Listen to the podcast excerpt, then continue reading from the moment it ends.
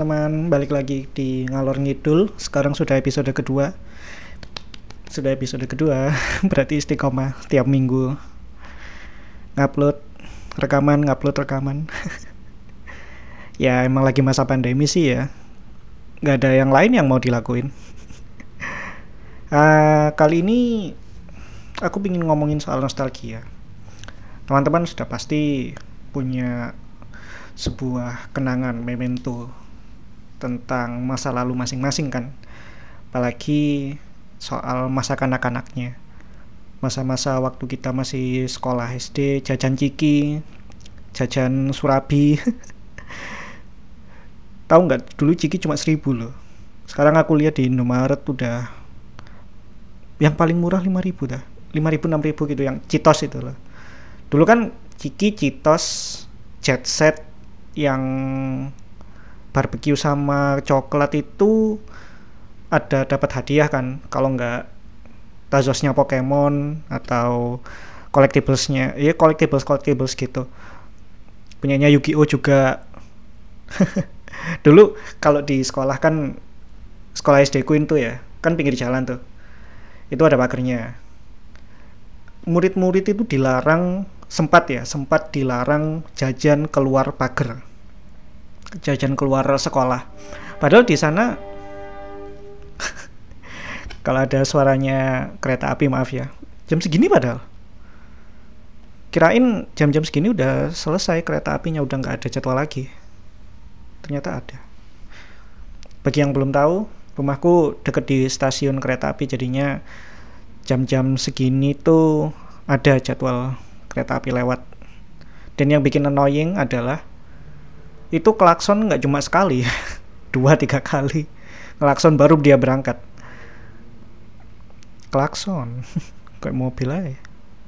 Ngomongin apa tadi? Oh ciki nah anak-anak kan nggak boleh kedengeran lagi ya maaf. Anak-anak kan nggak boleh kelu jajan keluar dari dari pagar ya. Padahal itu di pinggir jalan itu jajanan-jajanan kaki lima kayak batagor gitu tuh. Terus uh, telur buyuh yang diceplok atau telur buyuh yang didadar terus jadinya kecil-kecil gitu itu. Itu ada itu. Jadi kita kadang-kadang ya apa namanya belinya itu harus gayung-gayung kayak gini apa yang gayung-gayung ya tangannya keluar pagar gitu.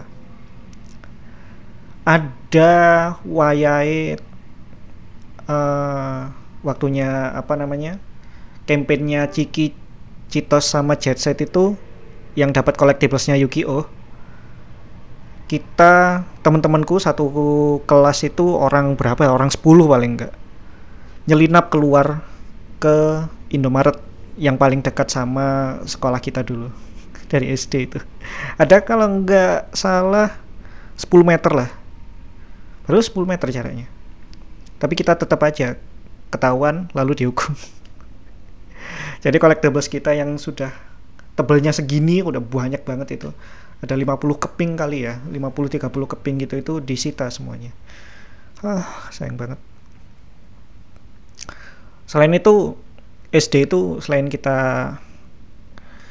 ngumpulin collectibles kayak gitu itu ada wayah-wayah musimnya musimnya mainan kayak Tamiya tahu nggak dulu itu aku sama teman-temanku kalau balapan Tamiya itu nggak punya sirkuit. Kita itu kita mainnya di selokan. Ya ampun kalau aku inget dulu itu. Niat banget ya main di selokan gitu itu. Jadi kalau Tamiya kita stuck kan kadang di selokan itu ada tanaman-tanaman liar gitu kan. Terus apa namanya Tamiyanya stuck kita browot masuk ke dalam selokan. Itu kan selokannya gede se seberapa ya? Lebarnya selaptop inilah. Jadinya dua Tamiya itu masih bisa masuk dan kita balap-balapan di situ. Wih keren banget dulu itu.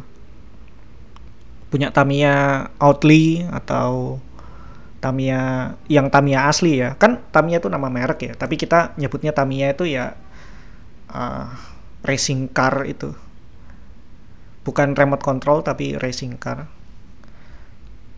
Ya kalau udah punya itu wah jadi anak paling keren sekelas. Setelah Tamiya Beyblade. Beyblade kita nggak main nggak ada main di arena yang plastik atau yang sudah ada officialnya itu enggak mainnya di wajan. At one point kita main di wajannya ibunya temanku dan wajahnya bolong. Udah nggak bisa di apa namanya dipakai lagi. Biasanya kebanyakan ya ujungnya Beyblade itu kan kalau nggak plastik ya besi. Nah ada satu Beyblade yang sebentar ya coba aku cari. Beyblade yang ujungnya besi gitu. Uh, punyanya siapa ya? Ya lupa aku. Ya pokoknya aku punya itu ujungnya itu besi tapi tumpul. Tapi tumpulnya itu gede. Seberapa ya? Sekuku jariku yang ini paling. Ujungnya segini. Itu kan gede tuh. Waktu itu aku betot kuat banget set gitu. Muternya keras banget kan. Nah aku lagi jauh nih dari wajan. Waktu aku betot terus Beyblade-nya turun nah turunnya itu nggak tiba-tiba turun terus apa namanya biasanya kalau turun terus eh, muter-muter gitu kan nggak. Dia stuck tas gitu. Ternyata tembus ke wajahnya. Gila-gila. Ke mana ya Beyblade-nya ya? Oh iya aku kasih temen. Bukan karena kalah nganu sih. Bukan karena kalah taruhan bukan. Cuma gara-gara ya at some point dia suka banget gitu Beyblade-nya terus aku kasih bawa aja gitu. Aneh ya padahal aku suka banget itu sebenarnya sama Beyblade itu. SD mainan apa lagi ya? Habis Beyblade itu Crash Gear ya Crash Gear. Dulu beli ah nggak ada yang official kayaknya kalau di Malang. Ya mungkin ada tapi dulu kan nggak ada toko online ya. Dulu nggak punya kit station yang asli yang apa namanya uh, booth yang official kit station gitu tuh nggak. Paling ya pengepul gitu itu atau kaki lima. Ya belinya di situ. Dan apa namanya Beyblade eh Beyblade. Crash Gear sih nggak ter nggak booming booming banget ya. Cuma berapa minggu berapa bulan gitu tiba-tiba udah hilang gaungnya. Seingatku udah hilang gaungnya. Soalnya yang paling gede waktu itu Crash Gear animenya. Kita nggak pernah lewat kalau soal nontonin animenya Crash Gear itu. Kan memang dimulainya dari anime tuh ya. Tamiya Red and Go itu kan terus Beyblade. Ada kalau nggak salah ada dua versi ya Beyblade itu hmm, coba ingetin aku di komentar ya. Terus baru Crash Gear. Setelah itu apa ya? Bidaman ya? Bidaman itu pun juga nggak lama itu. Karena nggak semua anak not every kids have money to afford that bidaman itu. Termasuk harga yang agak ekstrim di zamannya. Bidaman yang ada apa namanya holsternya itu. Dan kita bisa masukin kelereng banyak gitu kan. Yang biasanya anak-anak punya itu bidamannya itu cuma masukin kelereng satu terus ditembak terus kelerengnya diambil lagi gitu kan. Cuma satu. Sedangkan yang bagus itu yang ada holsternya. Tuh. Itu bidaman tapi ngomongin soal mainan di zaman dulu itu kita nggak bisa lepas dari game tau. Aku baru tahu game itu kapan ya? Sebenarnya waktu TK tapi aku udah ingatanku udah samar-samar waktu TK itu dulu. Dulu kalau nggak salah temanku ada punya yang ada yang punya Nintendo Nintendo yang paling pertama bukan SNES e ya yang NES Nintendo Entertainment System. Mainnya Mario tapi setelah itu aku kan pindah. Pindah pindah rumah udah nggak ketemu lagi sama dia. Dan itu pun cuma main sekali. Cuma main sekali Nintendo-nya. Nah baru main game lagi tuh kelas 4 SD 45 SD kalau nggak salah. 4 kayaknya ya. Pertama kali yang aku lihat itu nah waktu itu temanku aku ajak main kan. Tapi dia nggak di rumah. Katanya dia ada di tetangga ternyata tetangga itu punya rental PlayStation 1 rental PS aku lihat dia main di situ. Keren banget ternyata bisa main game di TV gitu pertamanya lihat. Soalnya udah lama banget nggak nggak main game nggak lihat game kan. Waktu itu dia main Digimon Runnable Arena yang pertama. Nah waktu itu waktu kelas 2-3 kalau nggak salah Digimon itu baru tayang di Indosiar. Indosiar? Indosiar kayaknya. Seingatku sih Indosiar. Nah aku kan nah teman-teman sekelas itu lagi gandrungin banget Digimon waktu itu. Dari Digimon yang pertama itu Digimon Adventures Taichi Agumon Yamato dan Gabumon gitu itu kan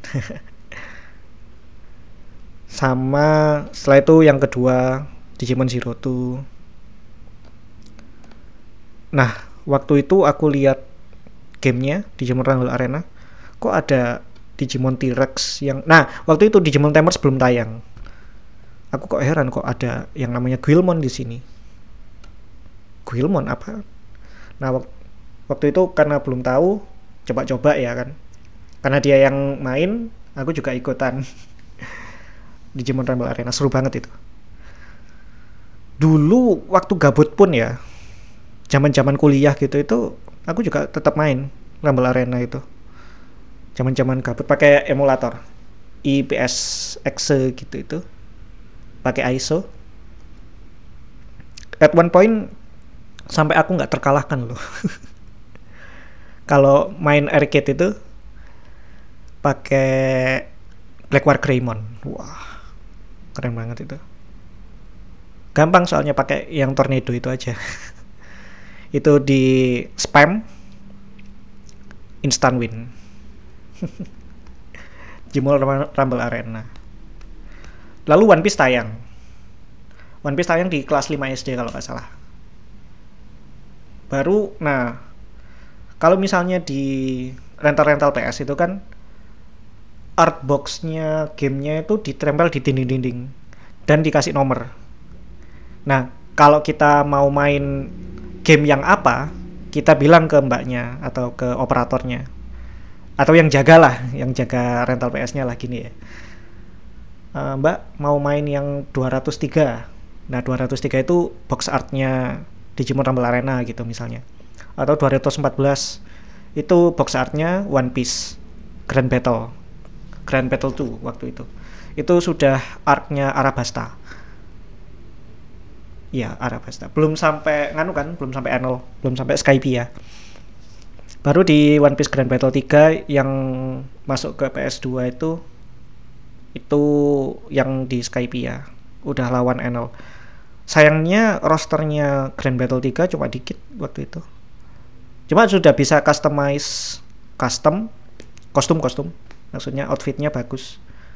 Nah ada apa namanya uh, option kayak gitu itu bikin keren.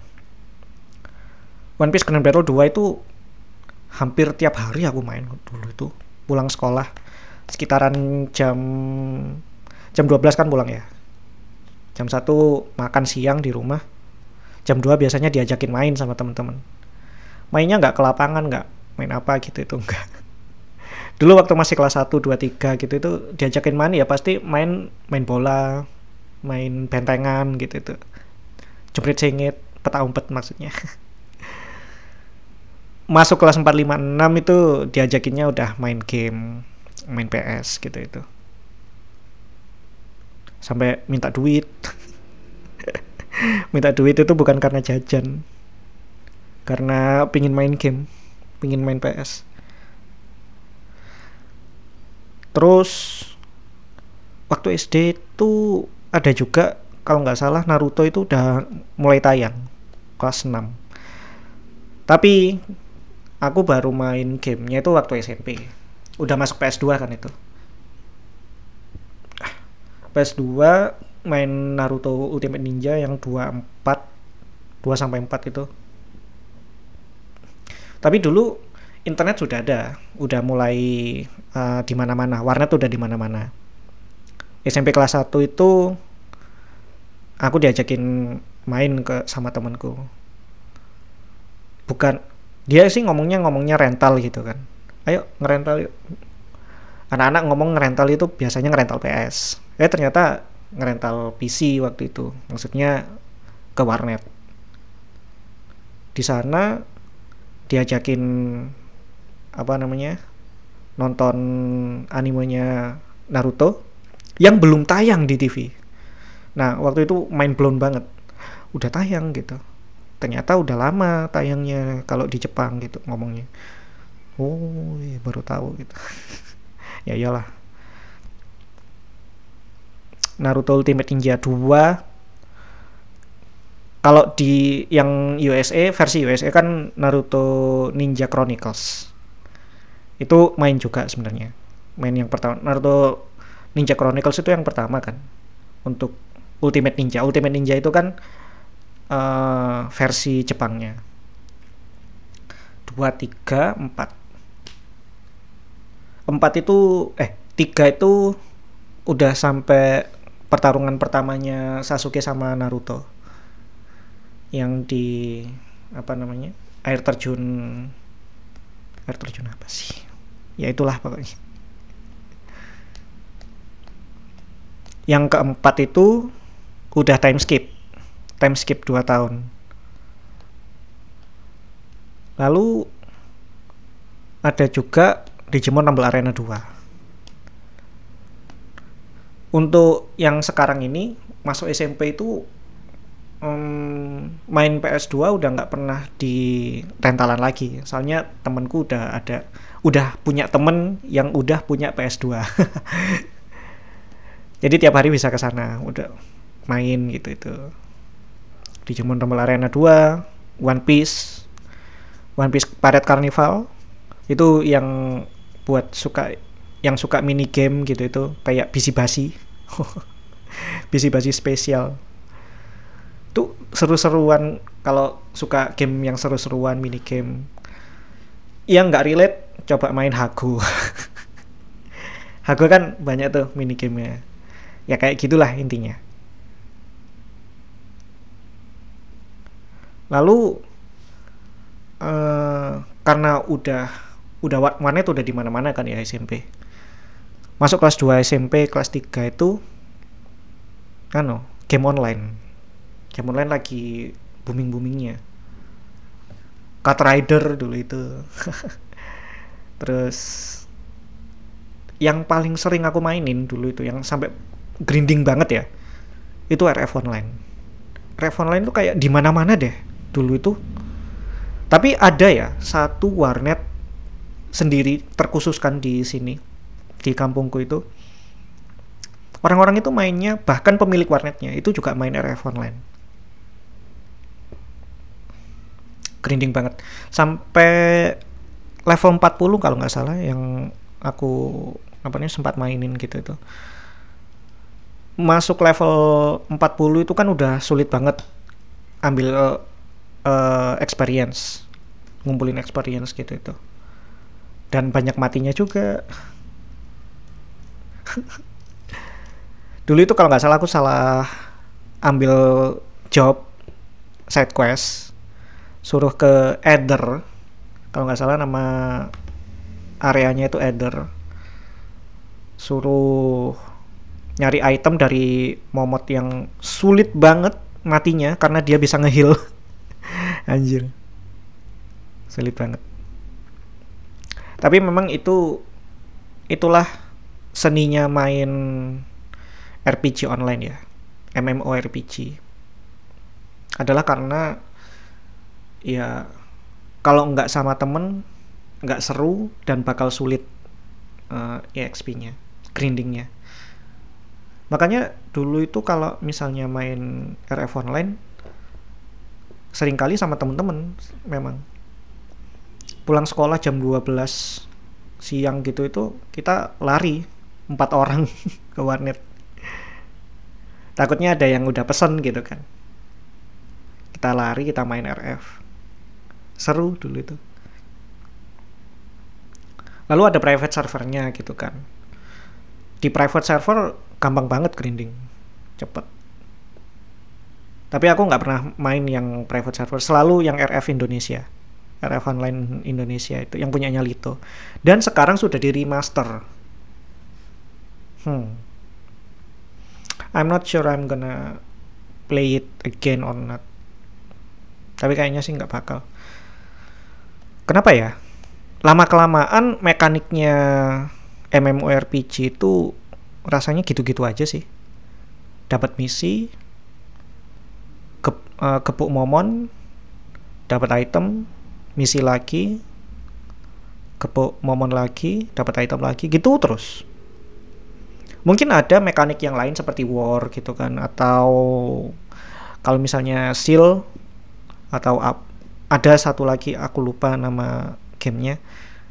Dia bisa nikah bisa couple. Tapi itu cuma apa ya mekanik side mekanik aja sih sebenarnya. Yang paling dicari dari MMORPG pasti kan levelingnya. Dapat skill baru dapat item baru dapat senjata baru armor baru gitu itu at one point aku pingin banget main MMORPG yang lain seperti Diablo gitu itu. Diablo itu berbayar nggak sih? Coba aku lihat ya. Sekarang kan mau ada Diablo 4 ya?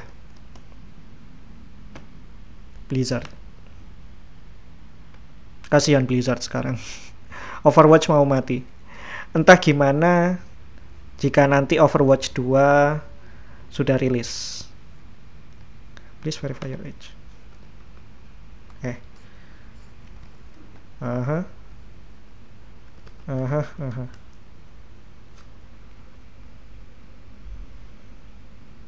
Oh, berbayar ternyata Diablo. Sama seperti Overwatch ya. interestingly orang-orang Indonesia nggak pernah main jarang main game-game yang berbayar. Seperti Overwatch gitu itu. Kalian bakal jarang nemuin player Indonesia di apa namanya game-game berbayar kayak gitu. Justru game-game yang gratis seperti PUBG Lite DBC PUBG Mobile Valorant itu pasti ketemu. Banyak banget orang-orang Indonesia. India juga Pinoy pasti. Di setiap game mah pasti ada Pinoy. Nah, itu SMP eh SMP SMK SMK tetap main sih RF online. Tapi udah udah mulai jarang. Lama lama kelamaan jarang gitu. Itu ada Losaga. Losaga soalnya udah bukan MMORPG lagi kan. Dia fighting game. Dan waktu itu beda banget. Mungkin ada yang sama seperti Get Tempest punyanya Lito. Get Tempest juga ada sistem apa namanya?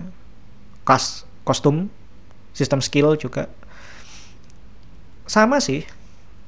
Tapi nggak identical. Soalnya aku lebih suka artworknya Losaka dia lebih uh, humanoid. Lebih anatomical daripada Ketempet Ketempet kan itu mukanya gede banget terus tapi badannya kecil. Dia kalau nonjok tiba-tiba tangannya gede gitu. Aneh rasanya. Sedangkan Losaga lebih uh, make sense menurutku karena dia memakai uh, skillnya itu ada dari kostumnya. Hero nya masing-masing ada gitu itu. Cuma yang nggak bikin asik itu kita harus berbayar kalau mau punya hero permanen. Atau dapat dari event. At some point ada sih aku punya hero permanen gitu itu. Tak dan nggak ngeluarin duit dari situ. Aku ngeluarin duit untuk game online itu cuma sekali dan itu juga gara-gara Losaga langsung beli hero aku. Selama satu bulan kalau nggak salah. Hero satu bulan ya pinginnya kan dapatnya permanen. Tapi ternyata duitnya nggak cukup. Itu pun duit dapat dari lebaran. Duit lebaran. Gila. Duit lebaranku dulu itu ya kalau nggak habis gara-gara game habisnya gara-gara ini JKT ada event kan Haruka ke Malang waktu itu. Kita kalau mau ketemu High Touch High Five itu itu harus beli albumnya. Bukan album sih single Koizuru Fortune Cookies. First time Haruka Center. Aku ngikutin sampai sampai gen pertama hilang satu persatu rontok satu persatu. Ah zaman zaman ngidol. Um, selain RF online Losaga dulu itu waktu SMK pertama kali aku main Assassin's Creed. Assassin's Creed itu kan yang paling pertama Assassin's Creed yang di di settingnya perang salib ya. Uh -uh. Tapi pertama kali tapi Assassin's Creed yang pertama kali aku mainin yaitu Assassin's Creed Brotherhood. Malah yang titel nomor tiga duluan. Dan orang-orang kebanyakan nganggap bahwa Assassin's Creed Brotherhood itu cuma seperti in, uh, istilahnya seperti DLC-nya Assassin's Creed kedua. Justru Assassin's Creed kedua aku baru aku tamatin itu kapan ya? Waktu baru lulus kalau nggak salah. Iya. Soalnya udah jarang ngegame banget kan waktu uh, sekarang-sekarang ini. Masuk kuliah itu udah jarang ngegame. Lalu waktu SMK kelas 2 aku pertama kali ditunjukkan sama Call of Duty Modern Warfare. Yang kedua justru yang paling kontroversial ya. Gila-gila waktu itu apa namanya hatiku yang inosen dinodai oleh pengkhianatannya Shepard. Gila. Ada yang bilang gini cewek nangis kalau uh, kalau nonton Titanic gitu kan ya. Cewek nangis kalau nonton Titanic. Cowok nangis kalau saat Roach ditembak sama Shepard. Bukan Roach Ghost. Ghost. Roach kan kita. Ghost itu teman kita yang selalu melindungi kita. Teman-teman yang nggak relate sama Call of Duty Modern Warfare 2 coba main deh. Ya Tuhan. Sakit rasanya oh tapi itu udah spoiler ya. Ya intinya seperti itu. Itu game udah lama banget sebenarnya. Lalu karena aku tertarik ya sama Call of Duty Modern Warfare 2 itu aku tamatin campaignnya. Aku suka Call of Duty gitu tuh atau waktu itu Battlefield juga main juga tapi nggak sampai tamat itu bukan karena multiplayernya bukan karena uh, battlenya gitu tuh nggak karena campaignnya campaignnya aku suka main. Karena ya aku ma main game untuk storynya kebanyakan. Kamu uh, karena aku suka yang nomor dua karena berkesan banget di hatiku akhirnya aku main yang pertama Call of Duty Modern Warfare 2 pertama. Jadi Call of Duty Modern Warfare itu kan sebenarnya Call of Duty seri keempat dari Call of Duty. Tapi Modern Warfare-nya itu Modern Warfare yang pertama. Karena sukses dijadikanlah diteruskan sampai Call of Duty ke sekarang sudah sampai advance warfare. Tapi menurutku Call of Duty Modern Warfare itu berakhir di Call of Duty Modern Warfare 3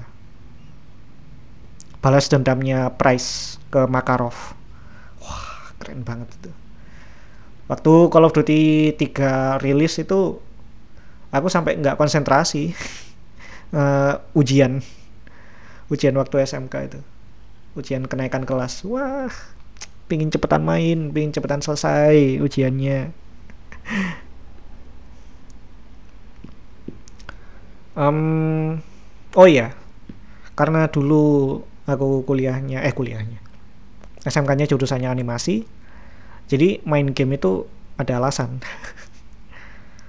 Ngapain main game? Yo ya uh, jadi apa namanya aku lagi main game gitu kan. Asik main Call of Duty pertama. Pertama atau kedua gitu itu. Terus ayahku nyeletuk belajar dong main game mulu gitu. Nah ini belajar ya ini aku bikin animasi ini. Ini soal tembak menembak sebenarnya animasinya gitu. Ada alasannya. Maafkan ya. Padahal sebenarnya itu main game. Jadi dulu kan waktu animasi itu ada kurikulumnya belajar 3D gitu kan. Lucunya apa namanya setiap aku main game dilihatnya lagi kerja lagi belajar belajar animasi gitu. Sedangkan kalau aku lagi belajar animasi belajar apa namanya step writing atau belajar walking cycle gitu itu dilihatnya malah ngegame. Dikiranya malah aku malah ngegame. Ya elah. Call of Duty Modern Warfare. Keren banget itu. Nah dulu itu kita nggak bisa uh, download gitu itu masih jarang kan speedy di rumah masing-masing gitu itu wifi pun juga masih ad, baru ada itu aku kelas 2 SMK baru umum maksudnya. Kalau baru adanya ada sih pasti sudah dari dulu sebelumnya itu. Cuma baru di Malang besar-besarnya di Malang wifi itu wifi publik waktu kelas 2 SMK dan itu kan dulu masih belum IndiHome ya masih speedy. Kecepatannya baru 1-2 MB paling gede itu. Download game bergiga-giga kayak gitu. Satu giga aja ya. Download. Aku pernah dulu numpang download di rumahnya temanku yang sudah punya speedy duluan. Uh, download film. Kalau nggak salah 1080p 1080p gedenya 1 giga itu aku tinggal tidur dari jam 9 malam sampai baru sel, uh, aku bangun jam 6 itu itu udah selesai. Jadi laptop itu ya ditinggal hidup.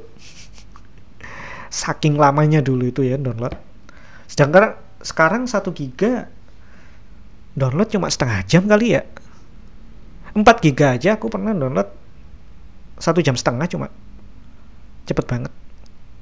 Download Valorant dulu itu. Baru-baru ini maksudnya. Hmm. Assassin's Creed Brotherhood. Revelations itu aku main waktu kuliah. Hmm, waktu itu itu continuationnya Ezio dan kawan-kawan itu kan. Ezio meninggal di Revelations. Nah kuliah itu aku main Assassin's Creed yang ketiga. Dan itu karena aku kuliahnya sastra Inggris aku ngambil Assassin's Creed 3 itu sebagai topik skripsiku. Karena bagus banget memang bersejarah ya. Dan aku waktu itu neliti soal Native Americannya culture Native Americannya Radona Keton Radona Keton. Lucunya aku nggak pernah main Black Flag. Yang nomor 4 itu uh, seri keempat Assassin's Creed nomor 4 Black Flag. Enggak enggak pernah main. Lalu masuk masuk kuliah itu udah jarang banget ngegame. Ngegame itu pun paling ya dulu itu main emulator uh, Bloody Roar main di laptopnya temanku. Jadi kita kadang nginep ada nginep gitu kan. Uh, waktu weekend Sabtu malam sampai Minggu pagi. Itu untuk ngegame. Solely untuk ngegame. Kalaupun sering nginep juga nginepnya gara-gara tugas tugas yang harus diselesaikan besok gitu itu kan. Tapi ada sempat juga waktu semester-semester akhir itu aku ngajak teman-temanku nginep di rumah untuk ngegame. Full. Main Dota juga. Ya dulu aku sempat main Dota. Tapi waktu SMP itu eh SMP SMK Dota perta Dota 1 main di main pakai LAN. Itu juga sering banget. Lalu SMK udah ada eh SMK kuliah. Kuliah semester awal. Udah ada Dota 2 dan mainnya di warnet. Game online sekarang sih yang aku mainin Valorant. Ada juga PUBG Lite. Tapi dan kita itu kalau aku main ya sama teman-temanku main itu kita main kalau saat ada yang ngajak gitu kalau dulu kan main ya tinggal main aja berangkat gitu kan. Mau diajak apa enggak ya main. Sedangkan kalau sekarang kalau nggak ada temennya itu kayak nggak asik gitu. Rasanya. Nggak ada yang bacot soalnya. Nggak main sendirian kan rasanya lonely banget gitu kan. Ya apa namanya kalau misalnya ketemu stranger gitu di permainan online mungkin asik sih ketemu uh, orang yang asik gitu. Terus kita add friend lalu kita main bareng gitu.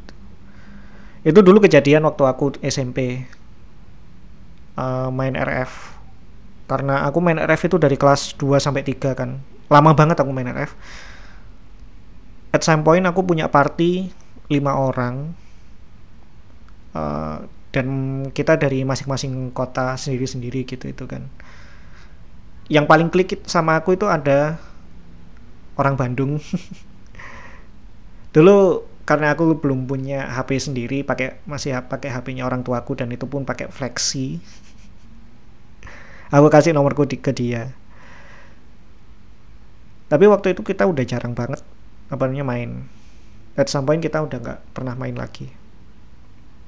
Dia sempat nelpon aku ngajak main itu pun cuma nelpon sekali sekali itu ter, sekali itu tok setelah itu udah nggak kita udah nggak pernah komunikasi lagi. Hilang. Di mana pun kamu berada semoga kamu sehat ya. Aku lupa namanya siapa. Halo? Lintang ini? Di, gitu dia nelponnya. Kamu nggak main Eleven lagi? Besok main yuk. Oh iya. Ayo ayo ayo. Aku lagi di Ether aku nggak bisa pulang karena nggak punya duit. Iya nggak apa-apa. Ayo aku beliin tiketnya buat balik pulang. Astaga. Dan sekali main itu pun miracle terjadi. Aku akhirnya naik level satu. Satu kali level. Tapi setelah itu udah nggak pernah main lagi. Udah jarang. Karena udah beralih dari RF ke Losaga dan sekarang udah makin lama udah nggak pernah main game lagi kalaupun ya yang mungkin related sama game itu uh, hobiku untuk ngoleksi. Jadi saat ada Steam sale, terus Epic Games itu kan selalu ada setiap hari ada gratisan gitu ya. Setiap minggu, setiap minggu ada gratisan. Itu aku ambil. Kalau titelnya aku suka gitu itu atau titel yang gede. Kayak kemarin gratisannya GTA 5 itu siapa sih yang nggak ambil? Pasti ngambil semua lah. Tapi PC-nya nggak kuat. Laptopnya nggak kuat. Ya cuma bisa beli cuma bisa ngambil. Terus nggak pernah dimainin. Aku pingin sih punya uh, nge-build PC ya nanti kalau duitnya udah kekumpul um, udah masuk 40 ya 40 menit. Wow. Jadi ternyata kemarin itu aku nyoba episode pertama ya. Itu sebenarnya cuma coba-coba. Aku nggak bakal aku pikir ini podcast paling ya selesai setengah jam paling lama gitu. Gila satu jam. Satu jam lebih aku ngomong sendirian. Gimana kalau sama temen ya? Anjir. Tapi aku kalau sama orang lain gitu itu apalagi yang sama di, yang baru dikenal gitu ya nggak pernah aku ngomong selama ini se apa ya setalk aktif inilah. Aku nggak setalk aktif ini enggak lucunya gitu. Makasih ya buat teman-teman yang udah nonton episode pertama dan tentu saja yang nonton atau dengerin episode kedua ini uh, sampai jumpa lagi ketemu lagi di ya ngalor ngidul hari in, episode ini. Selesai di sini. Kita sudah ngomongin nostalgia terutama nostalgia game ya tentu saja. Terima kasih yang sudah tune in. Uh, sampai jumpa lagi di ngalor ngidul episode berikutnya. Dadah